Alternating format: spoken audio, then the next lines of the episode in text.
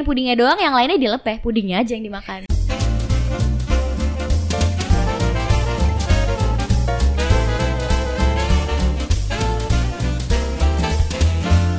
Hai Mams di rumah dan di mana pun Mams berada.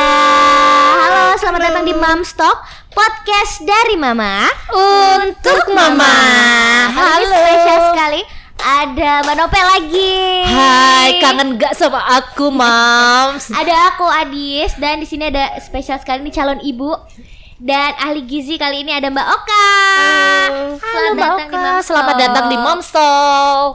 Gimana nih? Aku mau bahas dari mana ya? Mulai dari mana? Kalau Mbak Nope nih.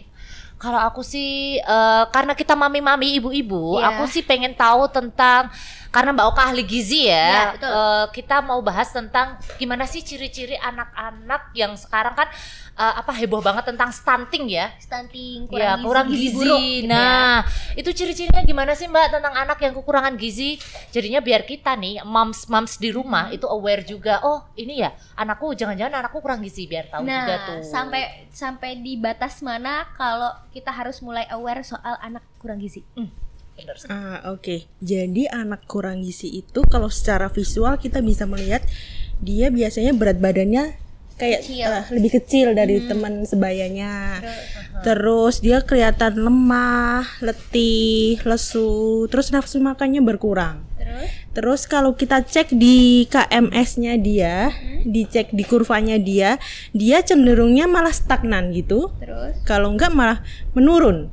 Nah, itu kita wajib waspada di Gitu situ. ya? Mm-mm. Nah, kalau itu di usia berapa ya biasanya eh, rawan terjadi eh, stunting atau kekurangan stunting. gizi kayak gitu ya. Eh, rawannya itu biasanya sih kalau dia udah mulai-mulai MPASI sih ya. gitu ya? Udah mulai MPASI, udah ha-ha. mulai makan Udah dan ha-ha, udah mulai berkebutuhan lebih. Iya, Nah, iya. itulah kita yang bikin Udah deg-degan. ASI Ah. udah bukan kebutuhan Yang pokok utamanya dia ya begitu, begitu. Oh. Sebentar, sebentar ya Kak Oka. Aku ini agak ini deh. Agak terdistraksi. Hari ini kamu keren sekali Kak Adis ya. Oh my god. Kenapa? Kacamatamu lope-lope Oh iya, ya. aku kan eh, Mohon maaf ini out of the topic tapi oh my god ya itu aku kan eh, merasa Tony Stark ya kalau lagi kayak gini. Kayak kacamata tapi silo tapi nggak silo tapi nggak terlalu Oh, makin kece juga. ya biar kece ya. Gak gitu juga kali Pak ya ampun. Oke lanjut lagi. Ketawanya ya. Ngomong-ngomong masalah stunting ternyata dimulainya dari awal anak kita MPASI. Oke. Wah deg-degan juga nih kita. Deg-degan ibu. dong, aku deg-degan. Secara Aku anak juga tuh kecil. Oh ya kecilnya kayak gimana nih? kecil. Dis? Jadi te- terhitung sebenarnya dia berat badan lahirnya nggak terlalu rendah waktu itu dia lahir 2,7. Terus abis itu eh, karena asiku tidak langsung keluar waktu itu berat badan pulang dari rumah sakit tuh nyusut banget. Habis itu naik pelan-pelan karena asi aja semenjak MPASI umur 6 bulan Mhm. itu berat badannya bagus nih. Meskipun terhitung kecil juga ya anaknya makannya banyak, asinya juga banyak. Allah, terima kasih. Tahu banget ya si Rumi baru diomongin. Iya kecil kan anaknya gitu. Dia sekarang tuh intinya dia sekarang tuh setahun eh, sebulan berat badannya tuh nggak terlalu besar. Tapi yang eh, menenangkan aku adalah karena ini anak bener-bener aktif. Sejak eh, jadi belum usia duduk dia duduk. Belum usia merangkak dia udah merangkak. Belum usia jalan dia udah jalan di jalan tuh umur 10 bulan. 10 bulan jalan.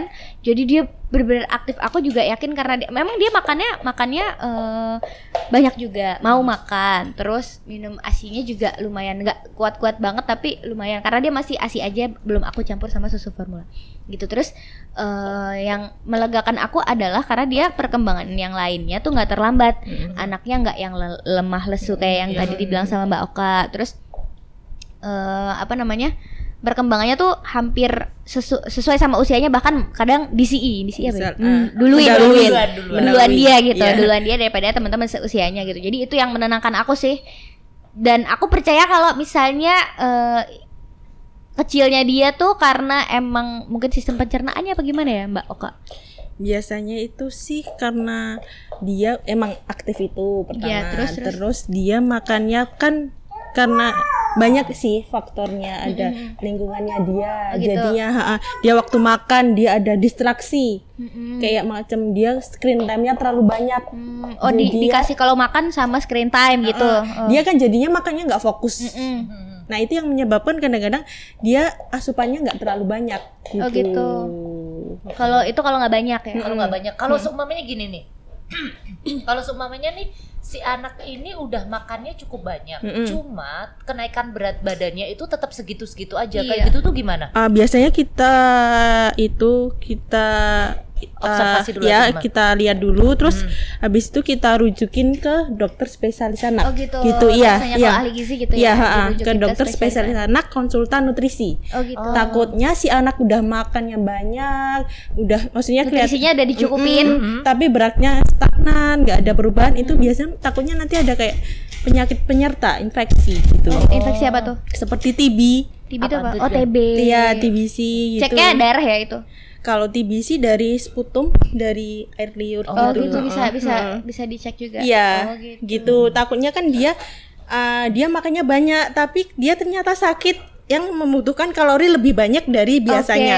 oke. Gitu. Jadinya Butuh observasi lebih untuk bisa tahu oh Oke. ternyata anak ini makan tapi kok nggak gemuk-gemuk, Iya, kok iya, nggak iya. sesuai dengan eh, apa namanya skala pertumbuhan biasanya di di uh, dua bulan tuh masih stagnan aja walaupun makannya tuh nafsu makannya banyak gitu tapi kok nggak kelihatan di badannya nggak ada gitu Oke, berarti perlu diobservasi Gitu lagi. ya. Mm-mm. Terus sama satu lagi yang melegakan aku adalah anaknya tambah tinggi. Meskipun dia nggak kelihatan gendut, tapi tingginya tuh bertambah. Mungkin tumbuhnya lagi ke situ dan gigi juga sih. Mm-mm. Gigi itu termasuk salah satu faktor ini ya. Apa namanya? Anak itu sudah terpenuhi nggak gizinya. iya jadi GTM gitu ya maksudnya Oh, maksudnya bukan. malah jadi eh, kelihatan terpenuhi gizinya dengan adanya gigi gitu gak sih? Ah. Oh, Iya. enggak sih dia bukan ya, salah satu itu. indikasi iya, Oh, bukan. tapi gigi uh, muncul gigi itu salah satu penyebab dia jadi GTM. Yang kenapa dia kan jadi nyeri kan ya. Orang dewasa aja kalau tuh mau tumbuh gigi aja rasanya mau makan kan males. Anak juga begitu. Jadi kita harus tahu maunya si anak. Anaknya mau tekstur makanannya seperti apa. Oke, kita gitu. ikutin ya, ikutin juga ya. Jadi bukan kita yang saklek juga kita Iya. pengen ngasih dia apa, tapi kita juga harus dengerin dia pengen makan apa. Ah gitu. ya. Jadi jangan sampai kita maksain si anak itu untuk makan sampai si anak itu malah jadi trauma. Ya karena eh, selera anak kan juga beda-beda kayak kita, Betul. Bu. Iya. Enak aja Mbak kamu suka doyan apa, anakku doyan apa ya kan? anaknya kamu suka biskuit, anak saya suka kerupuk, ya kan? Beda kayak kita obrolin Iya. tadi. Kayak kayaknya kerupuk seluruh anak Indonesia kayak doyan kerupuk gak Iya. sih? Anak saya suka gorengan. Nggak masalah ya, Nggak tapi ya gorengan nggak ya. apa-apa. Asal yang penting kita pastiin dulu minyak yang dipakai buat goreng bagus. Iya, gitu bener. Bu, ya. Ha. Oke, soalnya anakku tuh doyan banget gorengan. Jadinya setiap dia ke salah satu restoran fast food, yang dia makan itu bukan nasinya atau bukan ayamnya, tapi malah kentang gorengnya. Oh, gitu. Tapi yang penting kan karbohidrat masuk dulu nih. Aku kan mikirnya kayak gitu. Terus eh, satu lagi eh, seumpamanya nih, ada nggak sih eh, makanan kalau sepengalamanku nya aku kan takutnya gini oh anak ini nih baru nggak doyan makan nasi seumpamanya. Terus aku ganti dengan makanan pengganti kayak ya udahlah makan puding dulu. Mhm. gitu kira-kira bisa nggak sih mencukupi kebutuhan gizi anak itu? Kalau mencukupi sih kalau kayak cuma puding gitu kayaknya nggak bisa ya mbak ya. Tapi harus pudingnya di kayak kita gimana caranya di puding itu ada ada sayurnya, ada, karbonya? karbonnya sedikit. Karbonnya bisa kita dari roti tawar yang kita blend gitu, gitu. Dibikin jadi bareng sama puding. Iya bareng sama puding sama dikasih kasih eh, kayak ikan bisa. Jadi pu- pudingnya tuh bentuknya puding tapi asin. Kayak dia. makanan kucing ya. Iya sebenarnya iya kayak gitu. Kayak makanan Iya, kucing kalau ya. kita lihat empati emang mirip Iya. makanan Iya, kucing iya sih benar. pinter-pinternya kita tapi sebenarnya si anak itu eh, kembali lagi dia sayurnya jangan terlalu banyak Sayurnya jangan terlalu banyak karena anak umur berapa sih satu sa- eh umur MPASI sampai berapa setahun atau dua tahun Sekitar- masih ma- ma- mayoritas dia butuhnya protein ya protein sama karbo. karbo, Karbo. Iya, Karbo. Iya. protein karbo lemak protein karbo lemak ya. Iya, intinya itu kalau sayur untuk tambahan aja Iya berarti. karena sayur kan mengandung serat. Takutnya Betul. kita udah ngasih protein udah ngasih karbo udah ngasih lemak. Dia kan serat tuh mengikat lemak. Nanti Betul, dia betul. dibuang. Nah malah Oh. jadinya kan percuma kita ngasih Jadi, makan. makanya Iya. itu dia sih pertanyaanku karena si anak ini kecil-kecil pupnya juga lumayan Iya, banyak. nah itu. Sayur mungkin keluar di mungkin. pup juga ya. Tapi kalau anakku itu eh, pengalamanku, anakku itu makan sayurnya emang nggak terlalu banyak. Jadinya ma- emang aku genjot nasi dulu aja bu. Iya, ha-ha. nasi kalau sayurnya ya mungkin dari kuah sayur aja. Mungkin ada sedikit lah wortel atau apa. Yang penting kayak gitu dulu ya. Apa-apa. Oh Terus mungkin aku mau tanya nih soal stunting. Mm-mm. Stunting itu kan ternyata bisa genetik, bener nggak? Aku Iya. pernah baca soal stunting itu ibunya stunting, anaknya juga juga punya resiko stunting. Nah, aku dulu karena dulu zaman aku kecil belum populer istilah stunting di di kalangan jangan ibu-ibu bilang zaman lu, dulu ya. lu mantan stunting Nggak tahu, aku nggak tahu aku stunting Iya. atau enggak. Cuma aku punya riwayat kurang enzim apa gitu. oh Jadi aku juga sama nih, aku juga waktu kecil kecil da, ukuranku tuh mini lumayan mini. Ya. Terus eh, Kalau aku apa iya namanya? Ya sama. Kalau aku dulu iya, sampai sekarang kan kelihatan kecil, tapi Mm-mm. kalau dulu waktu aku kelas 3 SD nih ya. Kalau kelas 3 SD anak-anak yang lain tuh beratnya sekitar 25 kilo Kamu atau berapa? berapa? 19 kilo. Aku SD kelas 1 umur 6 tahun beratku 15 kilo. Udah gede, Bu. Kecil, Aku- kan? Aku, kelas 3 SD loh. Iya sih. 19 Lebih kilo. gede sih itu lebih gede. Lebih gede lu, Bu. Aku bayangin sampai guruku yang waktu itu nimbang aku tuh, "Hah? Cuma segini?" Iya Jadinya kan? aku berasa, "Ah, apa aku kurang gizi ya? Apa aku Itu juga teror ya?" banget ya, cuma segini tuh kayak teror banget teror ya. banget. Nah, itu aku mikirnya gara-gara kamu ngomong itu keturunan, aku tuh jadi panik soalnya kan ada bilang yang ada juga yang bilang ciri-ciri stunting itu adalah rambutnya merah. Mm-mm. Nah, anakku itu rambutnya merah. Mm-mm. Anakku aku juga rambutnya merah. Nah, aku takut nih, ini jangan-jangan stunting. Cuma ketika aku timbang dia tuh masih ikut di kurvanya, Kurvanya yang hijau. masih aman kan? Masih aman. Iya. Jadinya oh ya mungkin turunan dari gue nih rambutnya merah. Jadinya sama masih sama aman itu lah. juga aku juga merasa seperti itu aku jadi eh, insecure juga nih karena aku mungkin apakah kekurangan enzim ini salah satu ciri-ciri dari stunting gitu sampai aku waktu itu dibawa ke dokter juga sama mama buat eh, nggak tahu pokoknya ditambahin enzimnya apa gimana dikasih obat pokoknya terapi jalan gitu terus akhirnya ya udah naik lah berat badan segala macam nah apakah itu juga bisa eh, nurun. nurun jadi apakah itu bisa turun secara genetik gitu Sebenarnya bisa, tapi cuma persenannya cuma dikit Oh, gitu. gitu. Oh. Yang lainnya dari lingkungan sama persiapan kita. Persiapannya itu dari eh, kalau anak itu dipersiapkan dari seribu hari pertama Mm, dia. dari kandungan juga ya Iya dari kandungan. Ah, sebelum kandungan dia udah program itu pun dia harus wanita wanita usia produktif tuh harus dia udah bisa menyiapkan gizinya. Maksudnya ah, status gizinya harus bagus dulu. nutrisinya dicukupin ya Iya, di, diukur dari lingkar lengan atasnya itu. Ha-ha, jadinya dia kalau bisa Berasa jangan kecil banget, Berasa kecil banget Bu saya, Bu. sekitar minimal 23,5 Ya, kali ya. Jadi terus itu biar dia nggak kekurangan energi kronis yang dia menyebabkan jadi salah satu penyebab uh, dia melahirkan anak stunting gitu. gitu.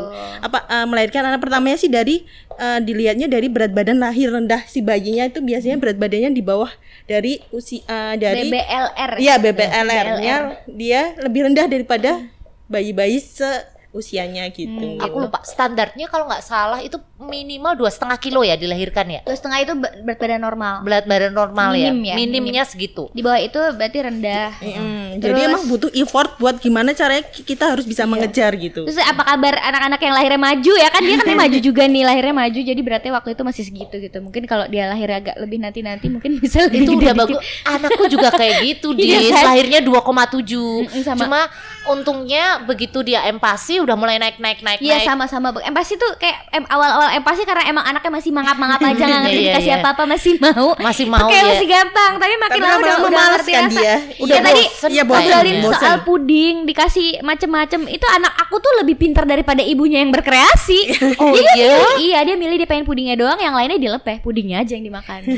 Bisa? bener? bisa, bisa. untungnya Nasi, anakku- ikan, tahu. Mhm. Ikannya aja mau, tahunya aja mau, nasinya aja kadang nggak mau dibuang nasinya, ikannya diambil. gitu. Jadi ya, lebih Rumi pintar, ya. lebih pintar dari ibunya yang Aduh. mau ngebohongin dia gitu. Pinter ya, tapi anakku untungnya masih bisa dikibulin bu. Oh, gitu. Jadinya pertama mau aku suapin roti, eh aku kasih nasi gitu masih bisa Masih lah. bisa ya. Masih Aduh bisa. enak banget. Masih bisa lah dikibul Itu bertahan tiga minggu kalau nggak salah di usia awal-awal tujuh bulan lah. Masih bisa di kayak, eh Rumi ini haha di sini Bentar, dikasih." Rumi kan cewek nih. Iya, nah, iya, sedangkan anakku tuh cowok. Nah. nah kebutuhan gizinya itu sama nggak sih? Cewek sama cowok ya. Nah, Sebenarnya eh, bukan karena jenis kelamin ya kebutuhan gizi itu ditentuinnya, Oh, iya. tapi dari berat badan idealnya dia. Berat badan, Berat badan yang sesuai sama di Ya. ini Sama di usianya KMS. kurvanya Iya, dia jadi berapa kan- bulan harusnya berapa gitu ya. Jadi- Tapi kurvanya cewek sama cowok tuh beda ya kalau di Iya. KMS ya. Mm-mm. Gitu. Tapi kalau semuanya berat badannya sama, usianya sama, bisa bisa sama itunya kebutuhannya. Gitu. Gitu. Jadi Jadi tergantung si anaknya juga. Iya, dan masing-masing juga ya, tergantung anaknya tuh terlalu aktif apa enggak gitu. Kalau anaknya pendiam mah kayaknya kalau kita ngasih makan makan aja kayaknya dia kan nggak ngeluarin Energinya- energi terlalu banyak Kalorinya jadinya. kayaknya tidak terlalu Iya. terbakar ya. Anak-anak yang tim-tim rebahan gitu jadinya kan Iya, dia enak lah tim rebahan. Tim Oh, rebahan bagus ya, bagus ya Bu ya. God, tim rebahan. jadinya dia males kan. Kacamata. Udah nggak Udah nggak ada betah, udah nggak betah. Tony Stark pergi dulu. Tony Stark. Jadi si Rumi tim rebahan atau bukan Bu? Eh, lihat saja. Oh iya. Sama kayak anak saya. Jadinya jangan sampai saya bawa anak saya ke studio ya Bu ya. Wah udah. Semuanya dianjurin Iya, ya. jangan dihancurin udah lah. Lari-larian di sini, Bu. Iya, itu soalnya anak saya itu cukup aktif. Jadinya setiap ada apa eh, hal yang eh, asing atau yang baru itu pasti dipegang sama dia. Itu jadinya aku agak sedikit takutnya mungkin eh, asupan yang aku kasih ke dia itu nggak cukup untuk eh, apa meng- mengimbangi aktivitas dia Nah, sama kayak dia, kamu di jadinya kekhawatiran ibu-ibu baru itu ha- mungkin hampir sama semua ya Mm-mm. jadinya eh ya kita takut sih ya bukan takut sih ya kekhawatiran kita gizi kita cukup nggak sih jadinya ternyata cewek sama cowok itu kebutuhan gizinya itu hampir sama Hampir Hmm, sama hampir sesuai sama. dengan Sesuai dengan beratnya anaknya. berat dan Kalau misalnya umur anakmu sama anakku berat badannya sama berarti kebutuhannya sama gitu Iya. kan. Mm-mm. Kalau berat badannya beda, anakmu lebih gede, anakku lebih kecil berarti kebutuhan anakku beda sama anakmu yang Iya, gede. Lebih banyak berarti Iya. anakmu gitu kan. Terus gini, eh, ngomongin soal apa tadi? Ngomongin soal eh, jadwal. Oh, iya. Katanya sih eh, pola ngasih makan anak yang eh, baik adalah eh, kasih makan yang terjadwal gitu benar ya Mbak bener, Oka? heeh. Nah itu sa- ngobrolin itu ngobrol ngobrolin apa namanya soal jadwal. Aku ada eh, kaitannya sama yang barusan Mbak Nope bilang nih soal kebutuhan eh, apa kalau anaknya aktif kita kasih makannya seberapa itu kan anak aku nih modelnya nih dia nggak bisa makan sekaligus banyak nggak bisa makan Berarti sekaligus rutin nih? banyak tapi Dikit-dikit? tingkahnya banyak iya Ya. akhirnya aku ngakalinnya adalah dengan kasih dia makan sering tapi sedikit-sedikit Porsi kecil tapi sering. itu gitu gimana ya. tuh kalau kayak gitu meskipun nggak terjadwal jadi nu- nurutin dia laparnya aja gitu jadi sebenarnya yang benar tuh yang mana sih Sebenarnya yang benar tuh harus terjadwal. Mm-mm. Jadi anak tuh kita uh, ajarin pola uh, konsep lapar dan kenyang, Mm-mm. gitu kan. Jadinya biasanya menarik nih lapar dan kenyang oke Iya, lanjutkan Oke, Bu. terus jadinya semua gini, contohnya jam 6 gitu dia minum ASI Mhm. gitu. Jam 8 dia selisih 2 jam Mm-mm. kan dia udah mulai banyak gerak terus mulai udah lapar kan, sarapan. Mm-mm. Nanti habis sarapan sekitar jam 10 dia baru cemilan. Mm-mm. Nah, cemilan itu diusahakan jangan terlalu banyak, jangan terlalu mepet sama makan siang. Mm-mm. Mhm. Takutnya apa nanti waktu mak- waktu makan siang dia lapar. makannya dikit. Lapar. Iya, nggak lapar. Jadi itu uh, itu fungsi fungsinya jadwal. Jadinya dia lebih bisa terkonsep anaknya gitu. lebih tahu ya maksudnya secara eh, badan juga dia tahu oh eh, kayak gimana ya anak anak udah tahu nih oh saatnya ini makan ini makan ini jadinya dia udah udah tahu siklusnya dia sendiri Pokoknya gitu ya uh, kuncinya kalau dia mau makan besar jangan deket sama minum ASI sama jangan deket sama cemilan gitu.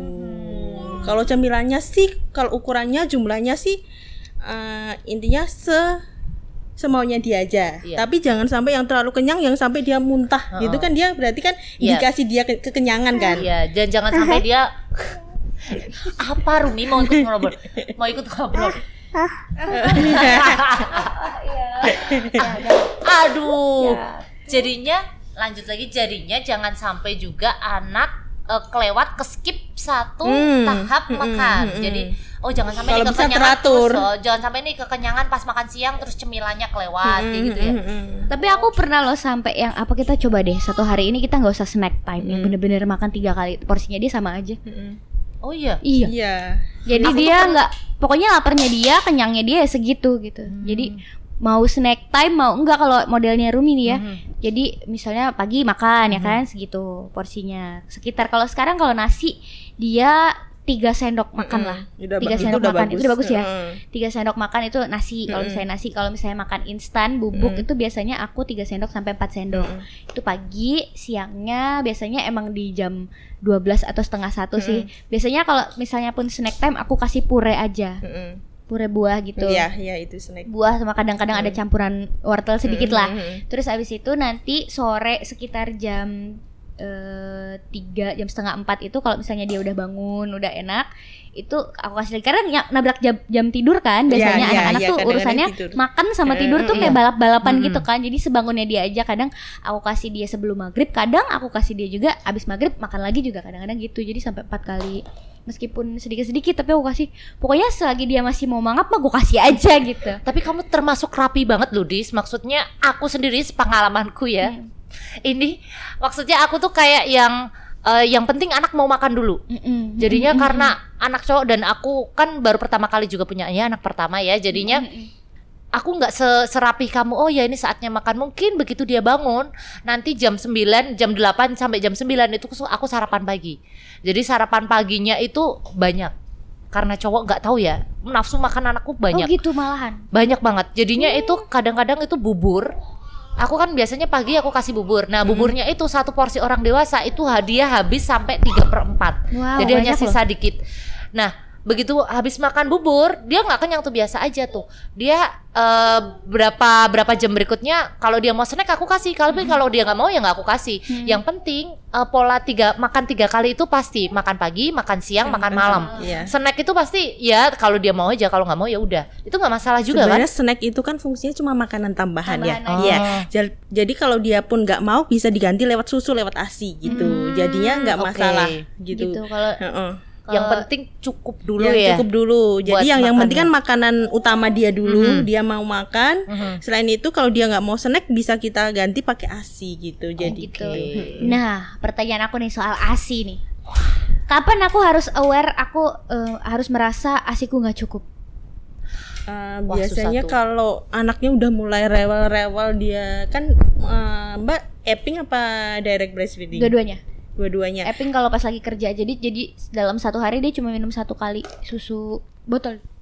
Jadi kalau uh, harus kita notisnya dari kita kalau si anaknya minta susu dan kita udah nggak ada stok, Mm-mm. udah terus kita pumping yang keluar cuma Sedikit. sedikit malah sampai uh, di bawah dari setengah dari biasanya. Nah gitu kita harus aware dari pola makan kita, tingkat kita harus manajemen stresnya kita gimana gitu. Itu kalau eh, ASI kurang ya. Mm-mm. Kalau misalnya kapan kita harus ngasih anak sufor? Nah, Kalau anak ada hubungannya nggak dengan dengan berat badan anak nih si susu si susu ini gitu? Karena aku udah mulai agak insecure gitu ya. Apakah biasanya tuh yang ngasih apa anjuran sufor kan dari dokter spesialis anaknya. Jadi kita kalau bisa sebelum mau eh, memutuskan memakai sufor kita harus ke dokter dulu. Oh gitu ya. Iya, jadi, jangan asal anaknya katanya ah, susunya kurang nih apa gimana gitu kan. Nah, jadinya eh, mending itu apa? Mending kita eh, cek dulu dia berat badannya kalau oke mending nggak usah dikasih sufor. gitu ya. Iya. Nah, aku sih kurva kurva anak ya emang eh, di usia segini satu tahun mungkin 10 bulan sampai ke 2 tahun itu kayaknya emang naik turun ya. Kalau aku lihat kurvanya si anak-anak kayak teman-teman aku nih aku juga kayak mau lihat dong kur- kurvanya anak lu kayak apa sih anak cewek apalagi ya. Tuh aku lihat yang bener-bener kayak eh, ada yang sama persis kayak eh, Rumi. Mm-mm. itu ada yang di usia 10 bulan stuck turun dikit turun terus- dikit Oh, naik, naik lagi, lagi. terus stuck naik sedikit sedikit. Nah sama banget kayak Rumi nih. Jadi Mm. Rumi pernah mengalami waktu itu dia sakit apa ya dia sakit flu tapi yang eh, Agak infeksi sedikit, bakteri uh-huh. bukan bukan virus. Mhm. jadi sampai panas gitu-gitu. Akhirnya turun setengah kilo bener-bener dari 7 kilo ke enam setengah kilo. Itu aku yang panik banget. Tapi habis itu dalam seminggu dia bisa naik nih. Bisa, dengan bisa ngejar ya makan dia. eh, makan yang makannya sebenarnya seperti biasanya Por- dengan porsi yang seperti biasanya dan nutrisi asupan nutrisi yang sama aja cuma dia bisa ngejar berat badannya naik dalam satu minggu dia waktu itu 600 gram Mm-mm. Berarti itu menurut aku nih Hmm. Soal di pencernaan dan soal makannya tercukupi atau enggak itu juga kondisi si Ya, anaknya dari fit atau anak- enggak iya, bener ya Mbak ya? heeh. Gitu. karena kalau kalau dia sakit kan otomatis dia butuh eh, kebutuhan gizinya lebih banyak Ekstra, daripada betul, biasanya. betul. Jadi kalau dia makannya eh, seperti biasanya dia makan, Hmm. berat badannya enggak mal- eh, stagnan mal- mal- bahkan Malah malah turun. Turun, ya. benar. jadinya kalau Biasanya tapi malah nggak mau makan kalau lagi ya, sakit ya kan? tapi ya kalau sakit kan malah jadi malah nggak mau makan kan. Nah, itu yang repotnya. Jadi si anak itu naik naiknya setengah kilo eh satu ons itu aja udah berarti banget Udah bagi berarti si ibu. banget, iya berarti udah beda berasa sama banget. dewasa ya iya Kalau sekarang iya setelah umur satu tahun itu naik naik satu on itu luar biasa Iya. banget. Luar biasa, Karena 100 beda gram. beda beda ketika dia masih tiga bulan itu naiknya emang jor-joran ya. Jor-joran, Tiba-tiba satu bulan sekilo. Oh, oh, benar. eh, Soalnya kan dia kilo. belum ada aktivitas juga Iya. kan. Kalau 400 gram aja dulu aku diomelin. Oh naik iya. 400 gram umur umur 4 bulan tuh dia cuma naik 400 gram kayak yang aduh ini harusnya naiknya lebih mumpung masih ASI aja Iya. gitu kan. Terus akhirnya eh, aku lihat lagi di kurva ini jadi naik turun setengah kilo dalam hmm, nenen aduh setengah kilo turun begitu seminggu langsung 600 gram terus dia udah lumayan ngejar kalau sekarang tuh kayak yang mau naik mau naik satu on aja susah ya. Eh, naik sih tapi kayak 200 gram 100 gram ya kan ini Emang ya. naiknya emang, ke- Emang- kan gitu ya, iya nggak sesuai emang teori itu nggak mesti nggak seindah Emang dengan prakteknya, kenyataan iya, iya benar. bener jadinya naik satu satu ons pun kita harus seneng kayak gitu jadi Effortnya juga pasti lebih ya lebih, untuk naikin iya, anak ke benar, sebesar benar, itu ya. benar. Gitu. Oh, jadi aduh si Rumi enggak apa-apa. gitu ya. Nah, ini ngomongin sufor nih. Kalau ngomongin sufor tentang gizi aku jadi deg-degan soalnya aku itu udah mulai eh, ngasih anakku sufor itu bahkan tanpa eh, anjuran dari dokter. Jadinya waktu itu tuh aku memutuskan untuk bekerja dan akhirnya aku tuh kayak ya kalau Adis insecure-nya sekarang, kalau aku dulu-dulu begitu mulai kerja aku langsung insecure dis. Begitu aku insecure langsung aku mutusin sendiri, oh udahlah kita campur aja pakai sufor. Eh, itu kalau eh, secara praktek, secara secara keilmuan itu asal anaknya nggak bermasalah masih nggak apa-apa kan ya? Itu Oka? sekitar usia berapa Waktu itu sekitar usia 7-8 bulan. tujuh delapan bulan berarti dia udah udah nggak- empati. udah empati ya Sekarang masih eh, masih asi juga, tapi masih aku dorong juga sama support. itu kan eh, itu pertama sih menurut saya karena ibunya insecure ya. Iya, jadinya produksi asinya berkurang banget drastis turun. Jadinya malah kita tuh di bawah alam sadar kita tuh kita nggak bisa memproduksi asi jadinya jadi eh, si ibu Kita lebih tergantung juga ya berarti ya. iya. Berarti ini eh, intinya lu nggak boleh insecure deh. iya jadi harus Boleh pede. Ah, pede dulu biar Iya pada akhirnya kuat. suami sih yang bisa meyakinkan udah nggak usah sufor dulu. Nggak apa-apa masih cukup. Anaknya masih naik. Nggak apa-apa 100 gram juga nggak apa-apa. Nggak apa-apa kecil tapi anak kita nggak terlambat apa-apanya gitu. Jadi berarti kayak yang itu harus pede dulu. ya.